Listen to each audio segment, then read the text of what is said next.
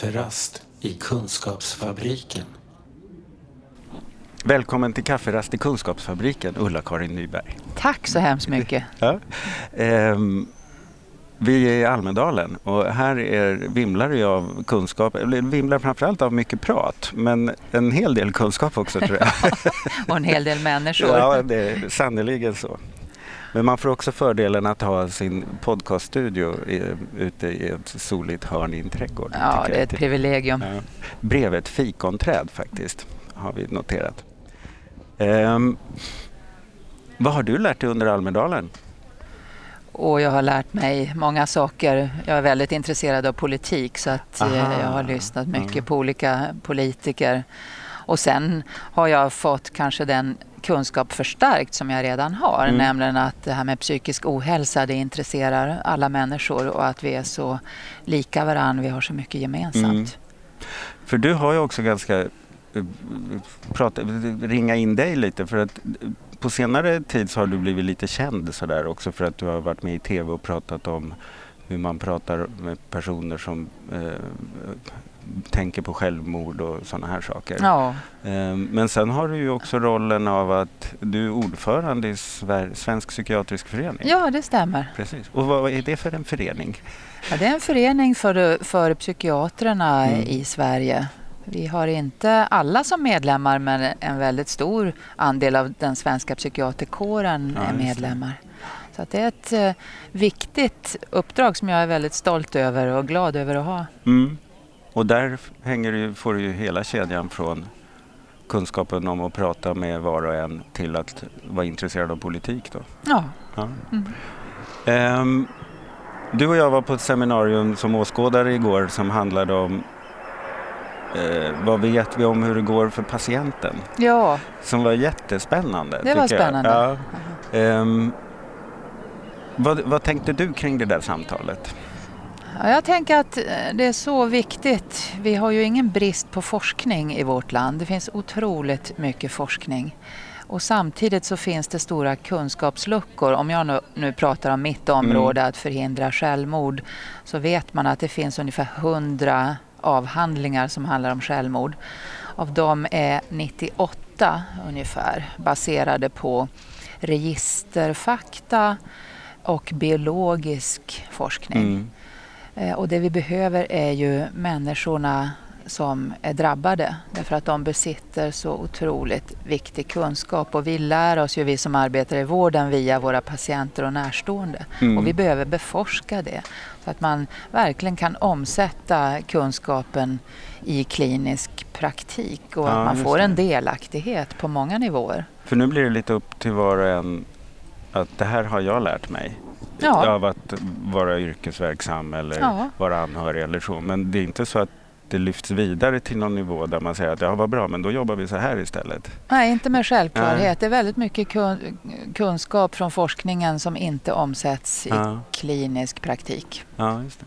Vad är det man kan få fram i en sån där registerstudie till exempel om man tar självmordsområdet? Är det liksom olika typer av samband då bara? Ja, ja, olika typer av samband och det är ju enormt viktigt ja, att vi till exempel mm. kan koppla eh, psykisk ohälsa till självmordshandlingar, att vi kan koppla eh, slutenvård, öppenvård, vårdkedjan mm. och hur går det för, för patienterna. Alltså det är enormt viktigt. Så jag säger inte att det ena är viktigare än det andra men däremot att det behövs det här som vi kallar för kvalitativ forskning också. Mm. För att det som när man tittar på de där sambanden då får man börja föreställa sig vad det är för en person som går mellan de där sambanden. på något sätt. Ja, och det måste vi klä i kött och blod ja, också. Du, det har du rätt i. Registerforskning är ju på gruppnivå och mm. det är mm. inte alls säkert att jag känner mig särskilt inkluderad i den gruppen och det är inte heller säkert att, att den typen av eh, fakta stämmer på mig som individ och det ja, gäller ju all forskning ja, vare sig det handlar om cancer eller Men det är självmord. Ett, det är ett viktigt redskap för att ta reda på vad man behöver titta närmare på. Väldigt viktigt viktigt. Väldigt viktigt. Det är lite lustigt det där med evidens och sådär. Om man har en metod som man säger att det här funkar i 80 procent av fallen men då vet vi också med samma säkerhet att 20 procent kommer det inte funka för.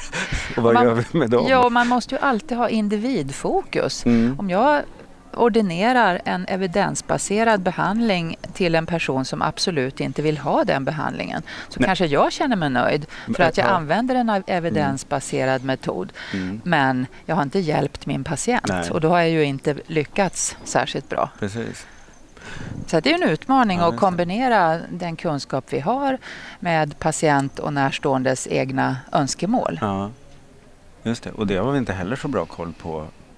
Alltså, varför man inte vill ha den till exempel. Eller, det är ju inte som vi samlar så mycket kunskap kring heller kanske. Nej, och tyvärr är det så att man ofta glömmer att fråga.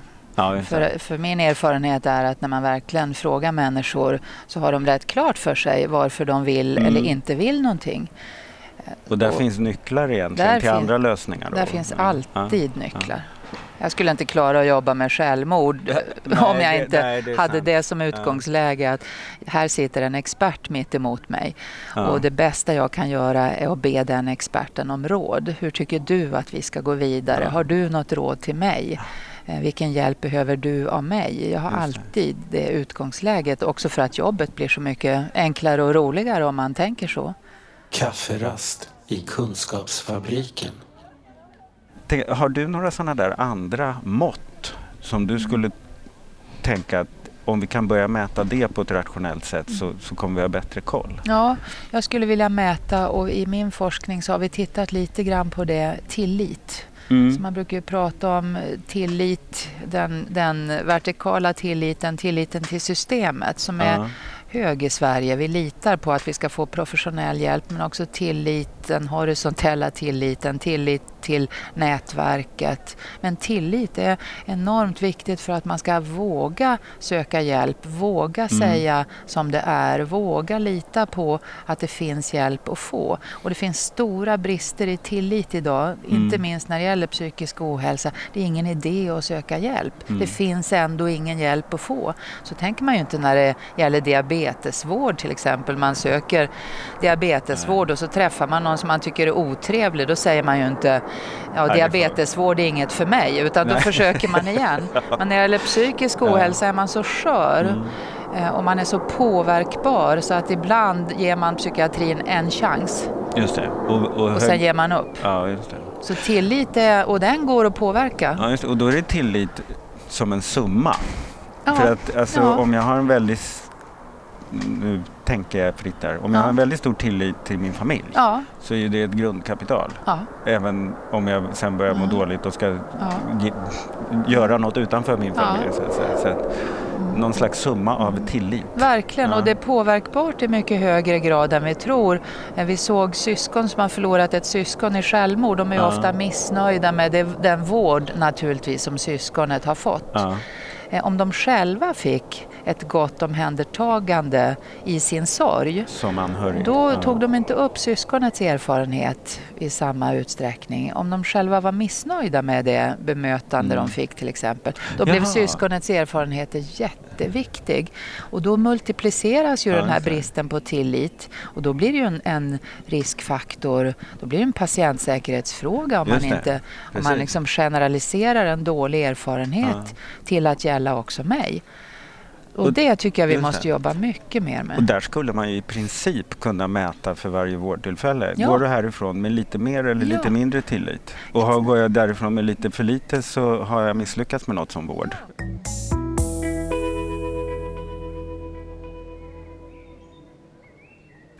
Men jag tänker också att man som behandlare, och det kanske du gör, alltså ställer man frågan vad skulle du behöva nu för att känna inte behöva oroa dig tills nästa gång vi ses? Ja, det ja att fråga så. Det, Ja. det brukar jag göra. Ja. Och kanske också för att jag inte ska behöva oroa Ja, mig.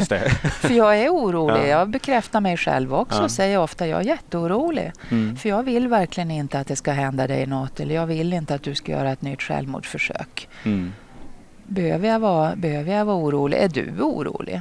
Och då får jag ofta, nej jag är inte särskilt orolig för det känns rätt lugnt just nu, säger patienten. Och jag vet vad jag ska göra om det händer. Ja. Ja, vad bra, säger jag. Då Mm. behöver inte jag vara orolig heller. Nej, det behöver du inte vara, Ulla-Karin. De, de vet att jag är lite orolig av mig. Sådär. Jag ställer den frågan ibland, eh, om du vore jag. Mm.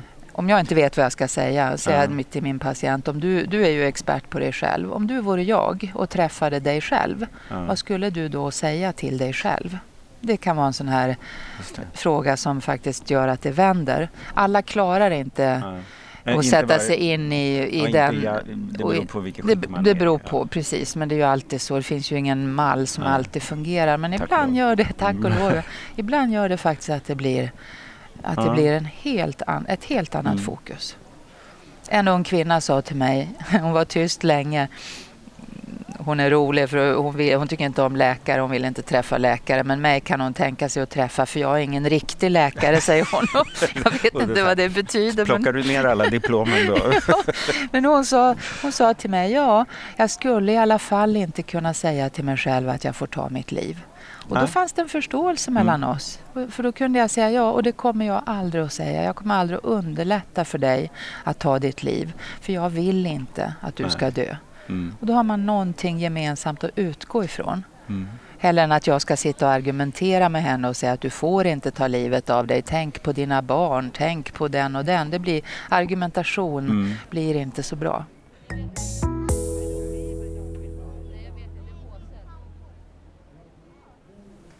Jo, men jag tänkte utifrån det här vad du har lärt dig. Nu har vi pratat lite om vad du kan och tror på. Men hur, hur har det sett ut i ditt yrkesliv? Hur, vad är det för stora liksom, insikter eller vändpunkter som du känner att du har haft?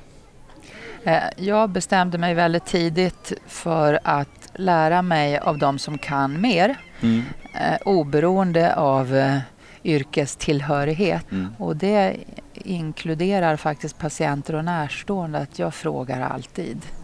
När jag inte förstår, när jag inte kan, när jag inte vet så frågar jag någon som förstår och kan och vet. Mm. Och det tycker jag har hjälpt mig otroligt mycket. Sen, har jag, sen är jag rätt orädd. Man blir ju det. Jobbar man med döendet och döden, jag är cancerläkare i botten och så jobbar jag heltid med Mm. självmordsfrågor. Mm. Då blir man ju ganska orädd. Så att ett spår är ju det här existentiella, att jag vågar faktiskt ställa frågor som ingen kanske ställer. Och jag vågar prata om meningen med livet och längtan efter döden. Och jag ryggar sällan. Mm. Och sen vågar jag vara tyst.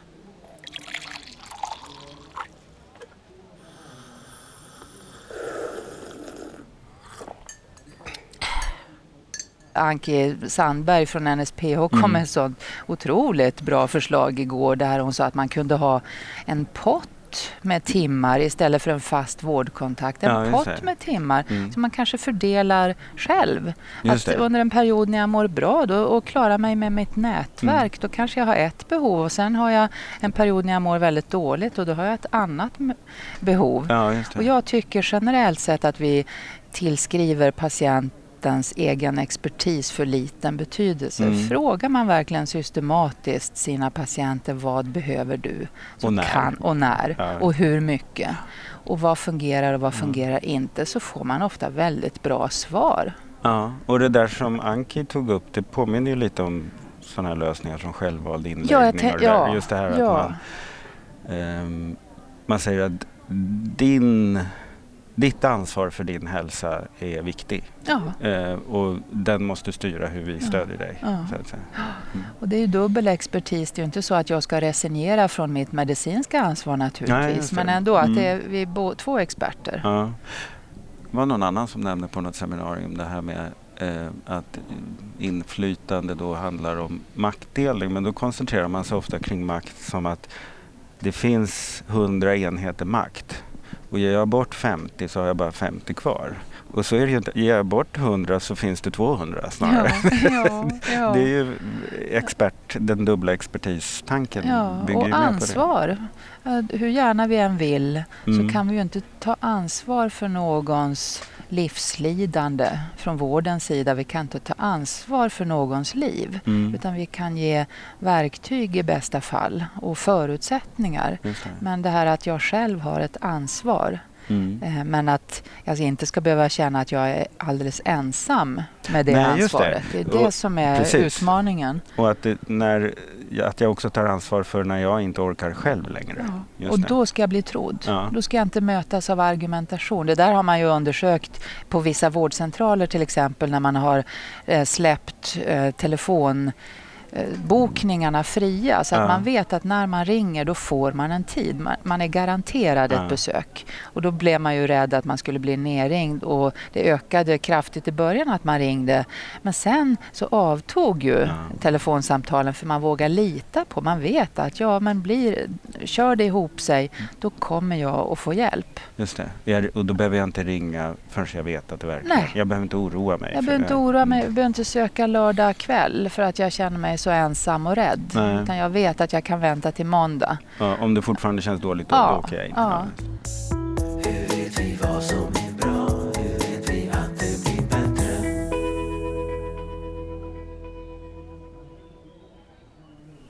Tror du att det kommer bli bättre med saker och ting? Kommer vi bli bättre på att ta hand om folk och kommer, kommer vi börja må bättre?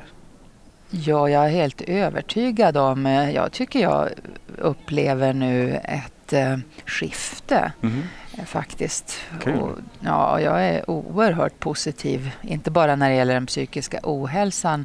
eh, För att fördelen med att så många mår dåligt idag och att det avspeglar sig i sjukskrivningssiffror och annat, det är ju att medvetenheten ökar och därmed kan ingen gömma sig längre och göra det här till en icke-fråga. Utan jag tror att vi kom, är på väg till ett mycket, mycket bättre handlingsprogram när det Mm. gäller de här sakerna och också att se människan som en komplex varelse med olika behov. Jag tror att vi är på väg bort ifrån den här individualismen som Sverige präglas av. Också tack vare att vi har många i vårt land nu som inte är födda i Sverige Ja. och som har en annan kultur och en annan syn. Det är oerhört lärorikt att lyssna på till exempel hur man hur man uttrycker lidande. Lidandespråket behöver Ja. ju vi eh, fördjupa och bredda i vår kultur. Man, om man säger som många ungdomar kan säga, jag mår skit, så kan ju det betyda allt från att jag är besviken för att jag fick ett dåligt resultat på tentan till att jag står i begrepp att ta mitt liv för Ja. jag tycker livet är värdelöst. Och vi behöver ett språk så att, Behöver- för att bli förstådda. Ja, just det. Och då vi, behöver vi någon som lyssnar. Ja, vi behöver nyanser i skit och vi behöver någon som lyssnar och tar mig på allvar och hjälper mig att formulera mig runt det här.